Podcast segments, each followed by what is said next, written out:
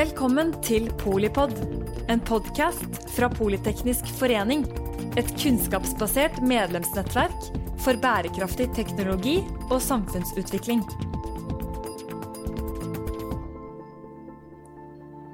Hjertelig velkomne til eh, denne Polipod-episoden om eh, overvåking i samfunnet. Velkommen til deg der du er, og ikke minst velkommen til eh, gjestene i studio. Eskil Grendal Sivertsen, direktør for samfunnskontakt uh, i Forsvarets forskningsinstitutt og styremedlem i Utsyn. Til Vegard Walter Hansen, som er forsker og um, seniorrådgiver ved Norsk utenrikspolitisk institutt. Til uh, Bjørn Erik Thon, som er direktør i Datatilsynet. Og til uh, Roar Thon, som er fagdirektør sikkerhetskultur ved Nasjonal sikkerhetsmyndighet. Og jeg må også si da nå IT-verdens IT rockestjerne. Det var et stort ord, ja. Hva skjer på, med overvåking i samfunnet, Eskil? Jo, det, takk for det spørsmålet, Mette. Jeg tror ikke jeg skal svare på det, men eh, vi har jo med oss et uh, fagtungt panel her i dag, som jeg håper vi kan få til en fin diskusjon om, om det, blant annet. Um, litt av foranledningene her er jo at det har nettopp blitt lansert uh, Universitetsforlaget, lansert i samarbeid med Utsyn og Politeknisk forening, uh, boka 'Strategisk ledelse i krise og krig', hvor uh, bokas redaktør Gjert Lage Dyndal bretta ut et veldig komplekst landskap av utfordringer knytta til vår evne til nasjonal krisehåndtering i spekteret fred, krise og krig. Um, og den boka uh, inneholder veldig mange tema, veldig mange fine kapitler som gir dette en god struktur. Et av dem er overvåkning og etterretning. Um, og det var det vi skal snakke litt mer om i dag. På en halvtime så dekker vi nok ikke begge temaene fullt ut, men uh, forhåpentligvis får vi belyst noen interessante sider. Um, jeg hadde lyst til å starte egentlig med å uh, spørre litt hva vi legger i begrepene etterretning og overvåkning. For det er jo litt viktig at vi vet at vi snakker om de samme tingene. Da kan jeg tenke meg å utfordre Vegard først. på Hva, hva legger vi i de begrepene? Uh, ja, Hvis jeg kan begynne med å svare på, på hvordan man kan beskrive etterretning, så tenker jeg at det kan defineres som både to ting. Det ene er at det kan være en organisasjon eller et samfunn, altså et samarbeid mellom forskjellige staters etterretningstjenester. Og så er det også en metode og en aktivitet. Eh, men jeg mener at det kan beskrives best som altså Egentlig er det jo informasjon som blir hentet inn og bearbeidet og presentert på en spesiell måte. Og så finnes det da forskjellige nivåer. I Norge så har vi både politi og forsvar ikke bare Etterretningstjenesten, men også politi og forsvar, som driver etterretning på taktisk og operasjonelt nivå som en del av deres daglige virksomhet. Og så har vi også da Etterretningstjenesten, som er vår nasjonale uh, utenlandsetterretningstjeneste, og PST, som er vår nasjonale innlandsetterretningstjeneste. Og de driver altså det vi kan kalle strategiske etterretninger, og presenterer da etterretninger som strategiske beslutningsråd til de som skal ta beslutninger her i landet. Hvor, hvor går skillet mellom altså, etterretning og overvåking? Vi bruker litt sånn begrepene litt om hverandre. Er det forskjell på de to? Ja, jeg vil hevde det. Og så kan kanskje Roar beskrive litt mer uh, hva vi legger i begrepet overvåking. Altså For meg så er jo overvåkning igjen, det betyr utrolig mye, avhengig av øyet som ser. Eh, hvis man tenker på det som et defensivt tiltak mot uønsket etterretning, altså at noen andre forsøker å få tak i ting de ikke ønsker å ha tak i, eh, så, så, så, så, er overvåkning den ene tingen. Altså, men for meg så er det et annet ord. Er, kontroll kan vi også blande vi også dette sammen med. For vi har overvåkning over datasystemer. Vi har overvåkning av luftrommet for at rett og slett flyene våre skal være så sikre som mulig. Så det er mange mange måter å se overvåkning på. Eh, men så kommer vi fort over til overvåkning som eh, er rett og slett kontrolltiltak, eh, kanskje med et god hensikt, men som ender opp som et negativt tiltak som vi begynner å helle over på overvåkning mot egne borgere, altså kontroll over egne borgere.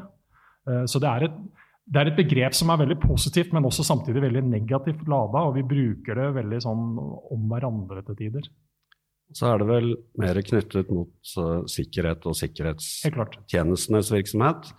Og egentlig, sånn jeg opplever det, mye mindre brukt i fagmiljøene i dag. Uh, jeg tror det henger litt igjen i Norge, fordi vårt kontrollorgan i, i, Norge heter fortsatt Etterretning, overvåknings- og sikkerhetsutvalget. Uh, Uh, og Det henger nok sammen med at vi hadde en tjeneste som het Politiets overvåkningstjeneste uh, for inntil omtrent 20 år siden, men, men mye mindre brukt i, i, i, dag. Det bringer oss inn på egentlig det vi skal snakke om, som i dag handler mer om overvåkning i, i samfunnet, uh, og ikke fly, flyovervåkning og den type ting. Vi skal komme inn på tenkte jeg, eh, det komplekse trusselbildet og utfordringa vi står overfor, eh, som gjør at vi trenger etterretning og overvåking i en eller annen form. Så jeg tenkte å starte egentlig der, altså litt sånn bredt. Eh, hvilke behov altså som samfunn, hva er det som gjør at vi har behov for den type funksjon, altså etterretning og overvåking? Hvilke, hva, skal være, hva skal den være svaret på? Så jeg kunne fått utfordra Kan du starte med Roar på det? Ja, altså, vi utsettes jo da si, i drivende takt med alt vi har tatt innover oss av teknologiske ting, altså digitalisering. Så utfordres vi hele tiden på at dette blir også misbrukt i negativ forstand. Og mottiltakene for det, eh, det er eh, da sånn sett at vi er nødt til å forstå og vite litt mer hvem det er som faktisk gjør ting vi ikke ønsker de skal gjøre. Vi ønsker å faktisk da være i stand til å se at de faktisk gjør ting, slik at vi altså får regelrette faktaopplysninger, om det er av digitale spor eller hva det måtte være. Så, så, så, så det er uh, i hvert fall Jeg representerer jo en organisasjon hvor dette er altså defensive tiltak for å sikre samfunnsverdier best mulig. Og så blir et av de spørsmålene som vi sikkert kommer til å ta opp rundt bordet her, når blir disse sikkerhetstiltakene også faktisk da til skade for de verdiene vi også samtidig forsøker å sikre. For det er en ekstrem balansegang her som vi, som vi, stadig nærmer oss, føler jeg, i form av at behovet for å sikre oss, det øker. Og diskusjonene rundt hvilke tiltak vi da skal ha for å sikre oss best mulig, den, eh, det er noe vi må ha mer av. altså. Ja. Så hvis jeg hører riktig, så handler det jo egentlig om å, å ha, få mest mulig situasjonsforståelse for verden rundt oss og hva som foregår, for å ta beslutninger for å håndtere bl.a. sikkerhetsutfordringa som vi var inne på. Eh, så vil jeg tro, Bjørn Erik, du har vel en del synspunkt på akkurat dette med grenseoppgangen mellom personvern og sikkerhet, og hvor går grensen mellom eh, forsvarlig etterretning og overvåking og, og frihetsberøvelse, hvis man kan bruke den type begrep? Det er jo et viktig spørsmål som vi skal få diskutert eh, om et lite øyeblikk. Jeg har bare lyst til å si to ord om terminologi først. Mm. Eh, for vi snakket nå om eh, overvåkning og etterretning. Eh, nå har det akkurat blitt innført en ny lov, eller vedtatt en ny lov, som heter ny e-tjenestelov. Det som innføres der, er et nytt overvåkningssystem, som jeg skal si litt om etterpå. Men det kalles for tilrettelagt innhenting. Så nå driver man ikke lenger overvåkning, man driver ikke lenger etterretning, man, man driver tilrettelagt innhenting av informasjon. Som jo er et fullstendig meningsløst begrep, eh, for det sier jo overhodet ingenting hva dette i realiteten er. Men sånn som vi ser det, så har jo utviklingen, i hvert fall tilbake til 2001 eh, og terrorangrepene i USA, og fram til i dag, entydig gått i feil retning.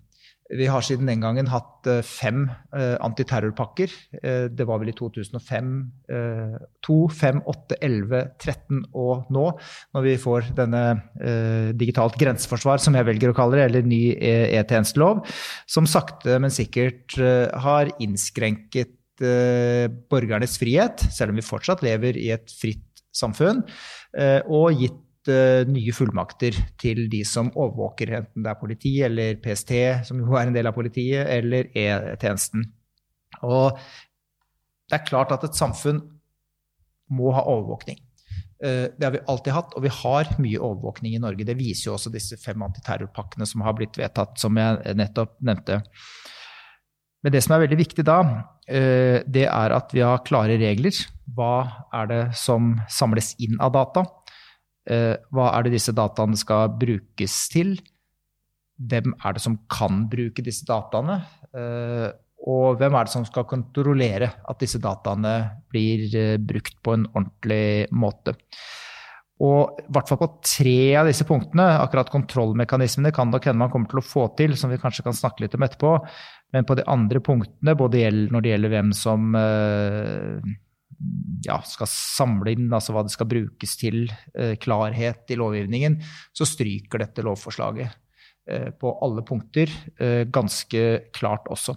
For jeg tror ikke det er noen faktisk i dag, f.eks. i Stortinget, Eh, eller heller kanskje i regjeringen, som helt klart kan forklare hva omfanget av det overvåkningstiltaket som nå igangsettes, er. Eh, det man i realiteten gjør, er at man setter svarte bokser på kabelkommunikasjon inn og ut av Norge. Der går all kommunikasjon som vi har på sosiale medier, eh, alt som vi har som går via den strømmen av, strømmen av data som går ut og inn av telefonen vår hele tiden. Nesten all den kommunikasjonen tar en sveip utenom utlandet. Så hvis vi sender tekstmeldinger, vi som sitter i dette rommet nå, så vil antageligvis med i hvert fall 78% sikkerhet gå utenom Norge. Da krysser det grensen. Da kan E-tjenesten fange det opp i det nye systemet. Det er realiteten. Men hvor mye det er, hva som egentlig omfattes, det er rett og slett ikke klart. Og det er skummelt, syns jeg, sånn som situasjonen er nå. Eh, at vi gir så store fullmakter til en eh, tjeneste eh, uten å ha full oversikt over hva konsekvensen av det blir for personvernet. Og da er vi inne i den diskusjonen som vi sikkert kommer tilbake til etterpå, for nå skal jeg øyeblikkelig meg. Hvordan skal vi ivareta sikkerheten til borgerne i landet? Og hvordan skal vi ivareta friheten til borgerne i landet? For det er også en veldig viktig oppgave for eh, et samfunn, nemlig at man kan kommunisere fritt med hverandre uten at man er redd for å bli overvåket. Jeg har lyst til å bore litt mer i, i altså hva, hva, hva, trenger vi? For altså, E-loven skal jo regulere mm. hemmelig tjenestens uh, arbeid uh, og så gis innsyn i, av, av EØS-utvalget. Uh, men, men, litt tilbake til, også litt tilbake til altså, hvilke utfordringer har vi? Altså, hva gjør at vi trenger, trenger etterretningstjeneste? Og, Vegard?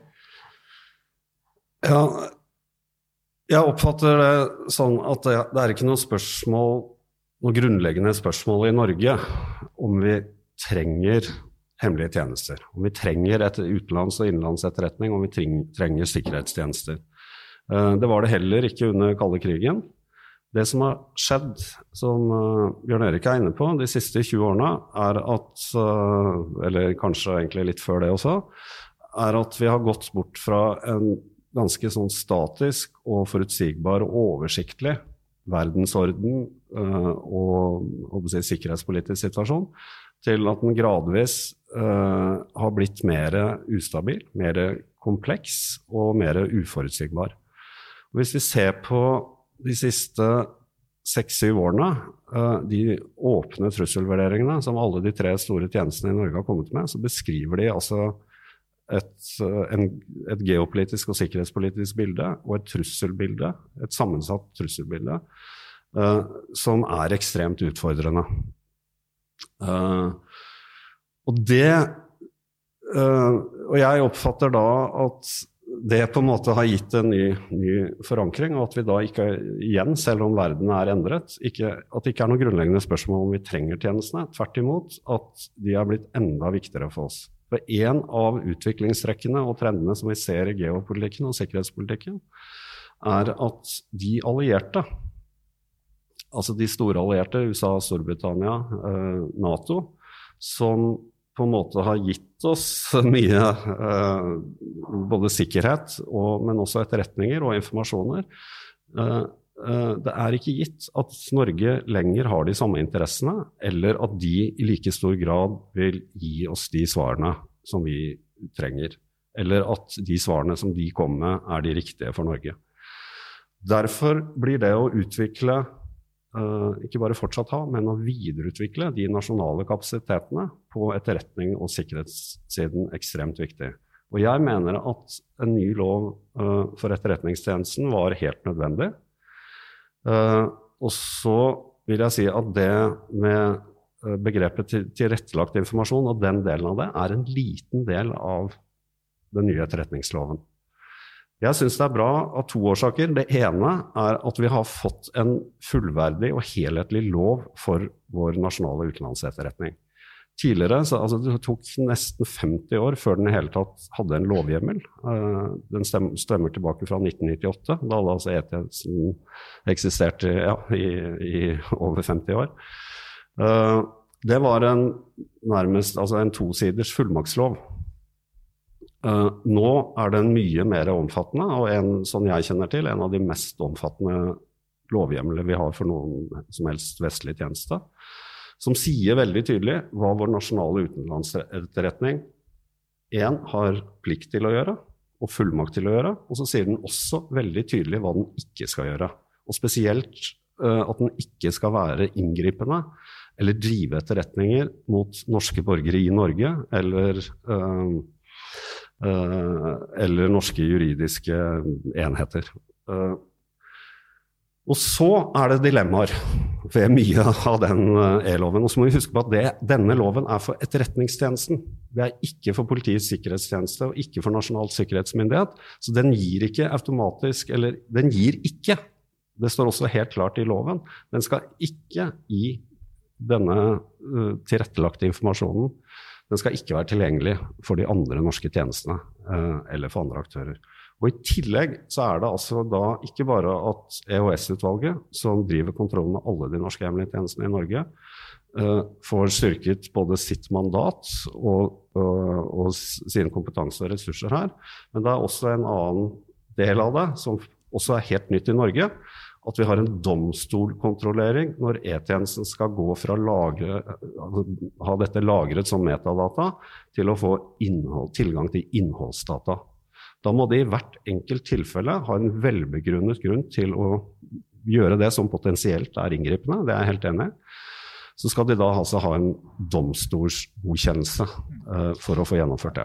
Og Det mener jeg at er viktig. Og, og hvis vi ikke har tillit til at staten, både gjennom tjenestene, som, er, som Forsvarsdepartementet er faglig og konstitusjonelt ansvarlig for, gjennom Stortinget og EØS-utvalget, og gjennom domstolene, at vi ikke har tillit til de, at vi sier at dette er så inngripende at det skal vi ikke ha, da mener jeg vi har et større problem å gi tjenesten tilgang. Hvis vi ikke har tillit til de tre statsinstitusjonene, så har vi et stort demokratisk problem i Norge. Vi kan, vi kan ikke bygge et sikkerhetsregime på at vi har tillit. Eh, du kan ikke bygge Datatilsynets mandat på at man har tillit til at vi treffer våre avgjørelser på en skikkelig måte. Eh, det må du ha ved at du har klare lovhjemler for hvordan man skal utføre oppdraget sitt. At man har gode kontrollinstanser. Jeg har tillit til både politiet, PST og E-tjenesten. Men du verden så viktig det er at man rammer inn mandatet deres, og at de, man rett og, rett og, slett sørger for at de holder seg innenfor de rammene man har. Og jeg er jo veldig uenig Altså jeg er helt enig i at vi trenger en E-tjeneste. Det er så selvsagt at jeg trenger nesten ikke å si det engang. Eh, og vi trenger også en ny e-lov. Men noe av det mest sentrale og det som har vært diskutert, er jo nettopp det som handler om digital overvåkning eller digital uh, masseovervåkning. Og det som gjør dette ekstra utfordrende, det er jo ikke at det kommer en lov, men at det er innholdet i loven. Og så har vi noen erfaringer da, fra andre land, fra andre prosesser som vi har hatt her i Norge. Og det er at når vi først begynner å samle inn data, i dette tilfellet til utenlandsetterretningsformål, så har det en tendens til å bli brukt også av andre. Eh, vi har jo sett at eh, f.eks. politiet mener at de, de, må få tilgang til disse dataene fordi det er så viktige data. De sier at i disse dataene så kan det ligge uh, opplysninger om et mord. Det kan, som man alltid trekker fram, ligge opplysninger om en pedofiliring. Og da er det egentlig helt umulig å argumentere mot det, fordi det er, fordi det er, det er så sterke interesser. Og så har jeg lyst til å nevne en siste ting også. Uh, det er riktig at det er kontrollmekanismer, eh, og at det er en domstol som kan si hva man skal lov til å søke i, hva man skal få lov til å hente ut av data. Men dette har også en juridisk side, og det er en side til menneskerettighetene. Uh, og det er slik at det er fastslått i paragraf, uh, artikkel 8.3 og i vår egen grunnlov, paragraf 102, uh, at man skal ha en rett til et privatliv. Og da må man se, når man vurderer det, når er det inngrepet i Eh, menneskerettighetene eller personvernet egentlig oppstår. Og det oppstår ikke når man bruker dataene. Så i den sammenhengen så har egentlig det at du har en domstolskontroll, ganske liten betydning. Det har en viss betydning, men det har en liten betydning. Men det som betyr noe, det er hva man samler inn av data. Eh, for det er på innsamlingstidspunktet en eventuelt nedkjølingseffekt, altså at jeg er så redd for disse dataene at jeg ikke tør å kommunisere fritt. Det er da den inntreffer.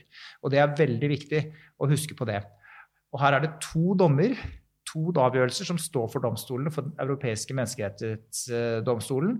Den ene er mot Sverige, og den andre husker jeg ikke farten hvem er mot som nettopp skal prøve det spørsmålet, hvor langt man kan gå i å overvåke borgere med et lovverk som er tilsvarende det svenske, uh, unnskyld, det norske, kanskje enda verre i Norge på en måte. Uh, og det er jo et skikkelig sjansespill uh, man tar i departementet når man velger å vedta en lov før disse dommene har kommet fra EMK, eller Europeiske menneskerettighetsdomstolen.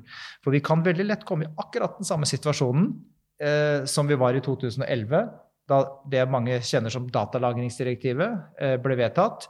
Det ble kjent ugyldig eh, av domstolene. Det ble ikke satt i verk i Norge.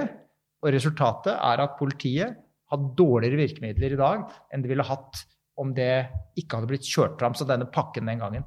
Så dette kan også slå tilbake på Forsvarsdepartementet og også Etterretningstjenesten, hvor særlig den gamle tjenestesjefen, nå har vi jo fått en ny en, eh, kjørte så hardt og på mange måter også ja, Jeg bruker ikke noe beskrivelse av det, men på en måte som vi ikke likte så veldig godt. Uh, og, og, så her, her synes jeg selve prosessen har vært ganske klønete og dårlig. Og selv fremtredende forskere har jo sagt, altså på deres felt har jo sagt at her bør man egentlig bare skrote alt sammen og begynne på nytt. Nå er dette vedtatt, for det er for seint, men eh, det er noen faresignaler her som gjør at faktisk dette kan bli, for å si det på godt norsk, ris til egen eh, bak. Vegard, du ønska en kommentar. Også, jeg har lyst til å utfordre også eh, Roar litt etterpå. Du har sikkert mye du ønsker selv å, å, å si. Eh, så tenker jeg også Det har vært lurt å få en litt sånn klarhet i begrepene her også. Vi snakker om metadata og innholdsdata, og det er jo ikke uvesentlige begreper. Jeg vet ikke om du, Vegard, eller eh, Roar er mest naturlig å snakke om det, men du har noen kommentar først, så du kan starte med det. Ja, og det, det er at jeg, jeg tror aldri vi vil finne noe som er i nærheten av en ideell løsning. Når man skal vekte sikkerhet og individuell frihet mot hverandre. Uh, og så syns jeg det er ekstremt viktig det fokuset Bjørn Erik har, og det er veldig viktig. Og jeg mener at den prosessen, for det er ikke bare lovarbeidet med denne loven, det er, dette er en prosess som har pågått over seks-syv år. Uh, og for to år siden så kom det en uh, høringsuttalelse, og hvor da Forsvarsdepartementet tok uh, ikke bare Datatilsynets innspill, men mange institusjoners innspill. Uh, og etter min mening fikk de noe som var mye bedre. Langt unna ideell fortsatt, men mye bedre. Så er, for, Hvis man snur det på andre siden, da, ved å si nei til dette, ved å si nei til at vår nasjonale utenlandsetterretningstjeneste skal ha tilgang til den type digital informasjon, så må man også da Eh, erkjenne eller godta at man da har man i stor grad en analog etterretningstjeneste i en digital verden. Det er strengt tatt ikke det vi snakker om. Altså. Vi snakker ikke om at Etterretningstjenesten ikke skal få lov til å overvåke nettet. Vi snakker ikke om at ikke de skal få lov til å innhente data og overvåke. Men vi snakker om at det er et regelverk som nå er laget, som rett og slett ikke er klart. Altså, jeg kan spørre deg, du er forsker, du kan masse om dette. Vet du hva E-tjenesten har av fullmakter? Vet du hva slags data de kan samle inn? Vet du hva de kommer til å bruke de? Jeg kan svare for deg. Nei, du vet ikke. For Du kan ikke lese det ut av lovforslaget. Og de spørsmålene vi har stilt Stortinget, bl.a. er det sånn at, at, at, at finn.no, som har to millioner unike brukere hver eneste uke, uke, blir omfattet av dette lovforslaget, sånn at de må samle data om brukerne sine. Eh, F.eks. de som selger og kjøper briller, eller hva det enn måtte være, og sende det til E-tjenesten. Og det kan de ikke, det, du, du, kan ikke svare på det, jeg kan ikke svare på det, og Stortinget har heller ikke svar på det. Og det er et kjempestort problem. Eh, og det går jo utover tilliten til E-tjenesten også. For de, de, skal jo sitte og praktisere dette regelverket. Det er altså et, et, et, et regelverk som er uklart, som skal praktiseres i hemmelighet. Og det er en dårlig kombinasjon, altså. Roar? Ja, altså jeg vil, jeg vil litt tilbake til, til, trussel- og risikobildet her, som, altså, som, både min egen organisasjon og de andre tegner et svært uh, alvorlig bilde av. Uh, og at vi er nødt til å liksom, håndtere det, tror jeg ikke man er uenig i. Men, men samtidig, når vi, når vi, da snakker om de digitale utfordringene, så blir de for veldig mange veldig abstrakte. Litt som Bjørn Erik er inne på, hva, hva betyr det egentlig i praksis? Mm. For Vi snakker om det i en veldig sånn, eh, ja, ikke noe ullent språk, men altså eh, Man kan stille spørsmål om det kanskje aller største sikkerhetsutfordringen vi har eh, totalt sett, er kunnskap og kunnskapsmangel. Altså fordi ok, Du identifiserer en trussel på denne sida. Det er veldig sjelden det er vanskelig da å gå og rett og slett be om å få penger til å gjøre, gjøre noe med det. Men hva er den totale summen av det? Altså, eh, Som fagperson, som jeg regner meg, så, eh, og jeg har jobbet i både Forsvaret, politiet og andre, jeg har alltid ønska meg bedre verktøy. Ikke sant? Jeg har alltid ønska meg flere hjemler eller muligheter til å få gjort jobben min. Men, men man må også da ha en, ha en, tanke i hodet er det lurt å gi meg det i enhver tenkelig situasjon. Eh, og når vi skal ha, når andre skal ha, hva er den totale summen? Eh, fordi at, eh, Her er det ikke bare ny etterretningslov, vi har fått ny sikkerhetslov, vi har fått en rekke forskjellige ting. og forstå meg riktig nå, altså Dette trenger vi. Men, men, å ha en forståelse av hva det totalt sett faktisk medfører, det er ganske vesentlig, mener jeg. Og Det er der jeg er inne på den med balansegangen. Altså hva er nok? Fordi jeg hevder kanskje litt satt på spissen at sikkerhet er faktisk ikke det viktigste. Uh, altså, det er en, andre, en, del andre ting som er viktigere enn det. Og så ønsker vi selvsagt å være så sikre som mulig, men, men, vi må også vokte oss vel for å, igjen, som jeg sa i sted, at vi ikke får tiltak som i totalsum faktisk er med på å ødelegge mer enn det det faktisk er der for å beskytte. Eh, kunne jeg spurt deg eh, to sekunder, Vegard, altså, forskjellen mellom metadata Vi snakka litt om det her. altså hva hva har eh, Etterretningstjenesten lov til å samle inn av data? Altså, det er jo ikke sånn at man kan gå inn og lese tekstmeldingene til, til sammen. Vi snakker om metadata og innholdsdata. Kunne kort bare forklart forskjellen mellom de to? ja, altså, hvis jeg holder meg borte fra rett og slett hva Etterretningstjenesten gjør, da, så har vi eh, et system eh, velprøvd i mange år som heter VDI, varslingssystem for digital infrastruktur, som i realiteten også er svarte bokser som står ute hos mm. sentrale virksomheter. Som har vært både diskutert og i, i breie og hele, men, men der samles det altså inn metadata for å se etter uh, rett og slett uh, uregelmessigheter i datatrafikken som kan være med å avsløre hvorvidt altså, har vi en aktør inne i systemet her. Uh, altså, det er rett og slett da å boksene, altså Systemet er satt opp for at ja, det er faktisk potensielt mulig for at man da kan også hente inn innholdsdata. Og da begynner vi å snakke om hvem er det som snakker med hvem, hva skriver de, altså den type ting. Men det er ikke det vi er ute etter. Uh, og dette er en ekstremt vanskelig balansegang. Så, så, metadata blir til syvende og sist sånn sett litt uh, teknologisk bare hvordan fungerer systemet, hvordan flyter datatrafikken. Innholdsdata, så begynner vi å snakke om informasjon som til syvende og sist er med på å identifisere. altså Hvem prater med hvem, hva skriver de, hva gjør de?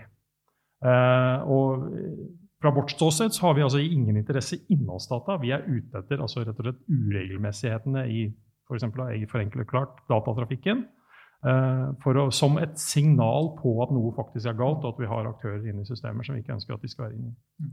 Men det er viktig, bare om jeg kan få lov å understreke at uh, innholdsdata sier jo noe om hva man kommuniserer om, men også det man, eller hvem man kommuniserer med. Og når man kommuniserer, sier veldig mye om innholdet i kommunikasjonen også. Uh, så man kan lese utrolig mange ting ut fra metadata. Eh, og det utvalget som eh, først utredet dette, Lysne 2-utvalget, de nevnte jo flere eksempler på hvordan metadata kan avsløre eh, veldig mye om oss. Hvis man ringer til et, en hjelpetjeneste for voldtektsofre klokka to om natta, mm. og en venninne rett etterpå så er det ikke så veldig stor uh, fantasi som skal til for å gjette hva denne personen har, har uh, denne kvinnen har vært utsatt for. Og det er mange mange eksempler på det. Så metadata er veldig inngripende data. Og det prøver noen ganger å, å liksom fremstille sånn at nei, metadata er ikke så farlig. For det er bare det som står utenfor konvolutten, bruker man ofte som et litt forenkla uttrykk.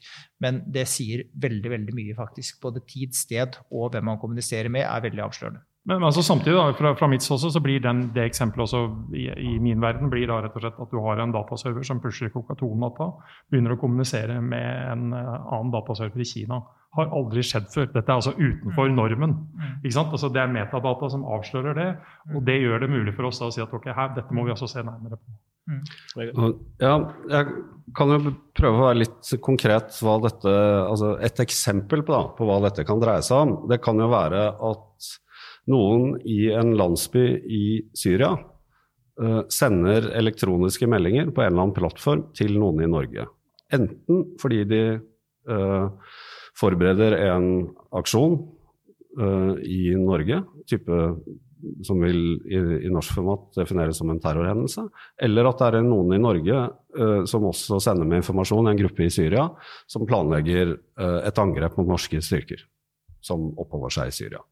Dette er, uh, dette er ikke bare noe E-tjenesten trenger tilgang til, det er en lovpålagt oppgave de har for å skaffe informasjoner, sånn at noen beslutningstagere kan gjøre, ta avgjørelser som gjør at hindre at dette blir uh, en, en, farlig hendelse for Norge. ikke sant? Og en inngripende hendelse for oss. Også potensielt for nordmenn i Norge. Uh, og så er, det, er, jeg helt enig med Bjørn Erik. Det er ingen som vet akkurat uh, hvordan dette blir, og hvordan dette skal gjøres. Men jeg er uenig. Jeg mener at loven beskriver ganske godt hva dette skal være, og hva det ikke skal være. Og nå kan vi jo tenke oss da at E-tjenesten bygger opp nå både teknologisk, men også kompetansemessig et system som skal, skal, håndtere dette. Og all grunn til å tro, sånn jeg kjenner det, til at de vil gjøre det innenfor lovens rammer. Og jeg ser ingen grunn til at de skulle ha noe som interesse å gjøre noe som ut, utenfor lovens rammer her. Det ville jo virke mot sin hensikt for de. Og da vil ikke de være i stand til å utføre sitt oppdrag hvis dette blir kuttet eller hvis dette misbrukes. Og så er det ikke sånn at det er alle ansatte i E-tjenesten som har tilgang til denne trafikkdataen, og mange mange som har potensielt hatt tilgang til innholdsdata. Eh, det er ikke, eh, ikke sånn dette verken er tenkt, eller sånn, sånn jeg ser for meg at det blir bygd opp. Tvert imot. Jeg, jeg tror heller ikke at E-tjenesten kommer til å gjøre dette utenfor lovens grenser. Altså, De kommer selvfølgelig til å holde seg utenfor lovens grenser. Det skulle da virkelig bare mangle at de ikke gjorde det. Det som er problemet, er jo loven.